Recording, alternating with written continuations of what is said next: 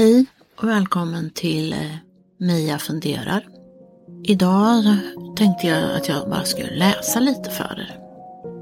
Ur en bok som jag skrev kanske 2005, 2006 kanske. Den gavs ut 2007 och det är andra delen i min eh, självbiografiska. Tusen tankar i natten. Man måste ända ner till botten för att en gång kunna börja klättra uppåt igen. Och visst var jag där, längst ner i brunnen. Allt var nattsvart, allt var utan mening, allt borde varit dött. Men det är då som alla tankar kommer, tusen tankar om natten, när mörkret sänker sig över stad och land. Då kommer alla tankar krypande som små illaluktande maskar. De målar sig in i min kropps alla håligheter och förgiftar mig och alla mina celler. Död, död, du borde vara död nu, viskar de in i mitt blod som strömmar runt i hela min kropp. Det sliter i varje vrå, det svider, det krampar.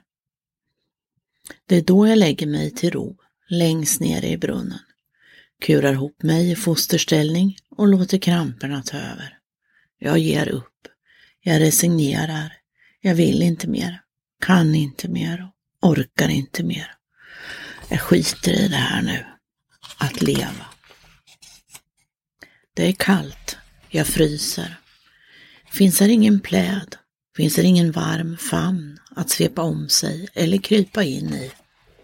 Jag reser mig motsträvigt upp, sträcker mina stela leder. Har legat stilla alldeles för länge sträcker på mig, kramar mig själv, försöker ge mig själv lite värme. Hittar en liten eld, sätter mig och värmer mig vid den. Känner hur värmen sprider sig ut i kroppen till varje lite enskild cell. Mina leder känns mjukare och till sist kommer känslan i magen. Jag är hungrig. Magen kurrar. Jag måste återigen resa mig upp och söka något att äta. Jag sveper om mig en sjal och vandrar vägen fram. Jag vet inte vart jag är, vet inte vart jag ska, vet inte vart den här vägen leder. Känner lukten av mat. Sätter mig till bords och stillar min hunger. Äter tills jag inte kan äta mer. Sitter ändå kvar och begrundar var jag är, vart jag ska, vem jag är. Jag vet inte. Reser mig, sveper åter om mig sjalen, tar ett äpple i handen och går vidare. Finner min bädd. Där är renbäddat. Det luktar så gott. Täcket är tjockt och inbjudande. Jag kryper ner under det, med sjalen fortfarande om mig. Kurar ihop min kropp, känner värmen, mättnaden och jag ler. Jag ler för mig själv under täcket i värmen, mätt.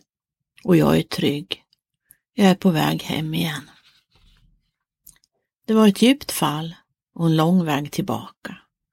Eller tillbaka. Aldrig i livet att jag går tillbaka någon mer gång. Aldrig. En helt ny väg. Jag vet inte vart min väg leder. Jag vet inte om jag ska gå härifrån eller om jag ska stanna.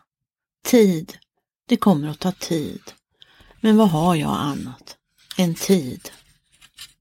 Tid är det första man tänker på när man vaknar. När kroppen vaknar och sträcker sömndrucket på sig, då tänker hjärnan, vad är klockan? Klocka och tid. Tid är väl egentligen det enda man vet att man har. Om man överlever vill säga. Annars får man ju tillbringa tiden som död. Dödtid. Det måste vara ett väldigt stort tidshål. Tidshål är en bra uppfinning. Det är när man väntar på något och inte kan göra något annat under tiden. Väntan vid rött ljus. Väntan sista minuten innan tvättmaskinen är klar. Väntan på att smöret ställ, smälter i stekpannan. Små stunder som man inte kan göra något annat än just vänta. Dra ett djupt andetag, luta sig bakåt, se sig omkring och tänka på något trevligt. Att sucka och svära över rödljus, tvättmaskiner eller smör som aldrig smälter tillräckligt snabbt gör inte direkt att det går fortare. Alltså är tidshål nyttigt för både kropp, hjärna och själ. Tidräkning är skapat för att vi inte ska behöva få allt för stora tidshår och det kan ju ses som något positivt. Alla vet hur dags skolan börjar. Annars skulle det ramla in elever när som helst under dagen. Tonåringar har ju inte den där klockan i kroppen. Vi ses på fiket imorgon. Det skulle inte finnas några lediga bord då. En del skulle komma tidigt och andra jättesent, om fiket ens öppnade. Det är inte heller lätt att hålla reda på vilka tider det borde vara öppet, om inte tid och klockor fanns. Vi ses klockan tre. Alltså jättebra med klockor och tid. Det farliga är när tiden och klockan inte längre är ett hjälpmedel utan blir ens chef. När man blir slav under klockan. När man önskar att dygnet vore räknat i 36 timmar istället för 24. Det spelar väl ingen roll. Ett dygn eller ett och ett halvt blir väl samma sak. Fast man bör sova lite emellan. Och vad gör det? Det jag borde ha gjort har väl ingen annan gjort åt mig. Annars kanske det är så att jag har för mycket att göra och borde anställa någon att delegera till. Jag kanske borde vara två. Annars om jag inte kan vara eller bli två, då ska jag nog se över saker och ting och börja prioritera. Göra en prioriteringslista. En prioriteringslista borde ha tre punkter. Grundbehov. Familjen försörjning. Jag vet inte om det är rätt i den ordningen, men jag tror det. Det känns så. Grundbehoven är absolut viktigast för en människa, för varje människa. Ingen kommer undan dem med livet i behåll. Jag vet det. Äta och sova, utan det lever vi inte. Näringstillförsel och vila. Tanka och ladda batterier precis som vilken bil eller apparat som helst. Familjen, vänner, arbetskamrater, sociala. Om man älskar dem eller retar ihjäl sig på dem har nog egentligen inte så stor betydelse. Det är ju den där sociala aspekten som är viktigast här. Ensam är stark. Nej, det är inte sant. Jag klarar mig själv. Bullshit. Vi måste ha varandra. När min eld slocknar i regnet måste jag få värma mig med någon annans eld. Att bara ha arbetskamrater kan vara vådligt. Om arbetet försvinner, försvinner de med. Men vänner räknas inte i kvantitet utan i kvalitet. En god vän är bättre än en helhög taskiga. Fast eh, en hel hög taskiga vänner är väl bättre att ingen alls. Ja, bättre att reta sig på dem lite än att inte ha dem. Tänk om alla vore som jag. Gud vad tråkigt det skulle vara. Ingen att diskutera med. Så tycker jag med. Jag tycker precis som du. Ingen att prata skit om, fast det är ju fult. Men då krävs det att man törs stå för vad man tycker. Och att man kanske inte håller med den som snackar skit. Ja, så du tycker det? Jaha, nej, jag tycker hon är jättetrevlig. Man måste i alla fall vara två ibland. Om det så bara är i kön på ICA. Fast eh, tjatiga kärringar i ICA-kön är inte populära. Nej, då får man nog gå en kurs eller gå med i någon förening. Samla frimärken kan väl inte vara så svårt. Eller odla pelargoner. Bara man får prata lite med andra människor så kvittar det väl om vad. Ja, sen ska man ju då försörja sig arbeta, studera, bidrag, pension, förmögenhet. Har det så stor betydelse? Jag tror att det är för var och en att känna efter vilket som passar just dem. Man kanske gillar att arbeta. Man borde i alla fall trivas skapligt med det arbete man gör. Annars kanske man stu ska studera till något annat. Någon kanske inte kan arbeta. Man kan vara sjuk. fysiskt sjuk, vad som helst. Astma, benskör, cancer, diabetes, epilepsi. Många har psykiska problem.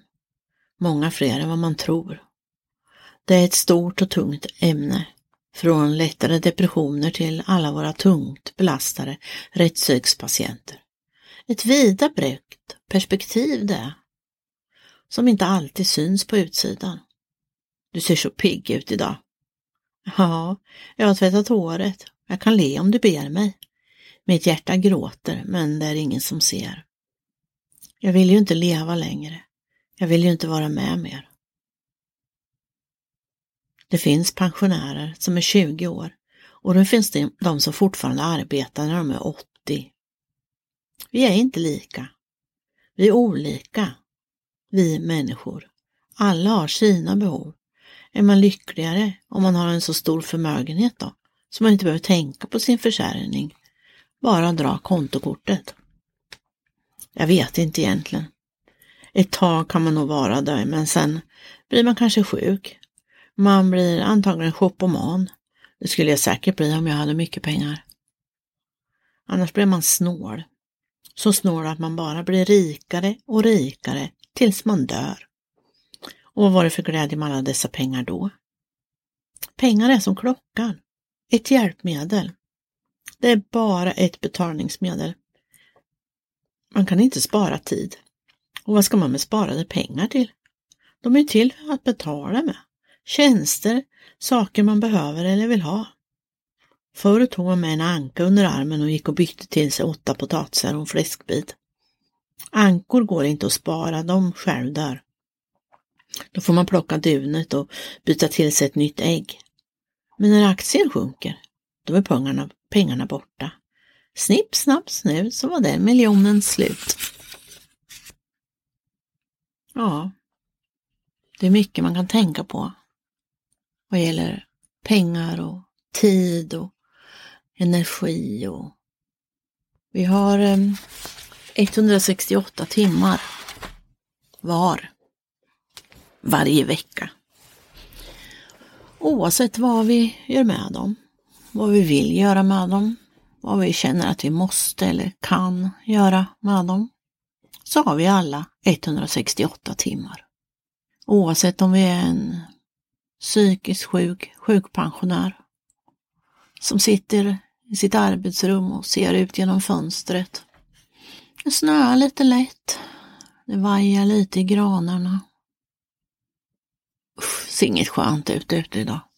Nej, jag stannar inne idag. Eller så har man 168 timmar och jobbar som verkställande direktör för ett företag med 60 000 anställda. Och man har åtta bollar i luften samtidigt. Samtidigt som man spelar golf och måste ha de finaste klubborna. Och sen funderar på att köpa sig en yacht, som jag lärt mig att det heter. Kanske att man vill ha den ligga nere vid Nice, dit man kan flyga lätt. Och sen bara sitta där och dricka drinkar tillsammans med andra affärskollegor och försöka tjäna ännu mera pengar. Köpa en ännu större yacht. Mm. Jag vet inte. Jag vet egentligen inte varför människor strävar så mycket som de gör. Det har ju kanske lite med det att göra jag pratade om i förra avsnittet, om ni nu har lyssnat på det. Att vi skövlar regnskogen för att ha mer att odla på. För vi måste ha mer mat, för vi är mer människor. Det kanske blir som ett grupptryck, som en tävlan, att man ska vara värst, man ska ha mest, man ska vara bäst. Men vem är det egentligen man ska vara bäst för? Grannen. Räcker det inte med att man är bäst för sin egen skull?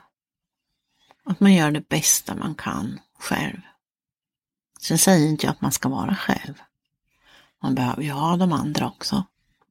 Men det räcker med att jag känner själv att jag är bäst, att jag gör det bästa jag kan. Och de andra gör det bästa de kan. att man har några vänner, även om man retar sig på dem och tycker de är jättekonstiga och tycker konstiga saker och ja, vad lustig den där människan är alltså. Men när vi träffas så har vi ganska roligt ändå. Hon får mig alltid att skratta. Han får mig alltid att minnas saker som jag också har gjort en gång. Tokiga saker. Saker som vi gjort tillsammans när vi var tonåringar. För vi har känt varandra så länge. Mm. Jag kommer inte ihåg riktigt när vi träffades första gången men länge sedan är det. Idag kan man tänka liksom, ja men det är ju faktiskt 40 år sedan.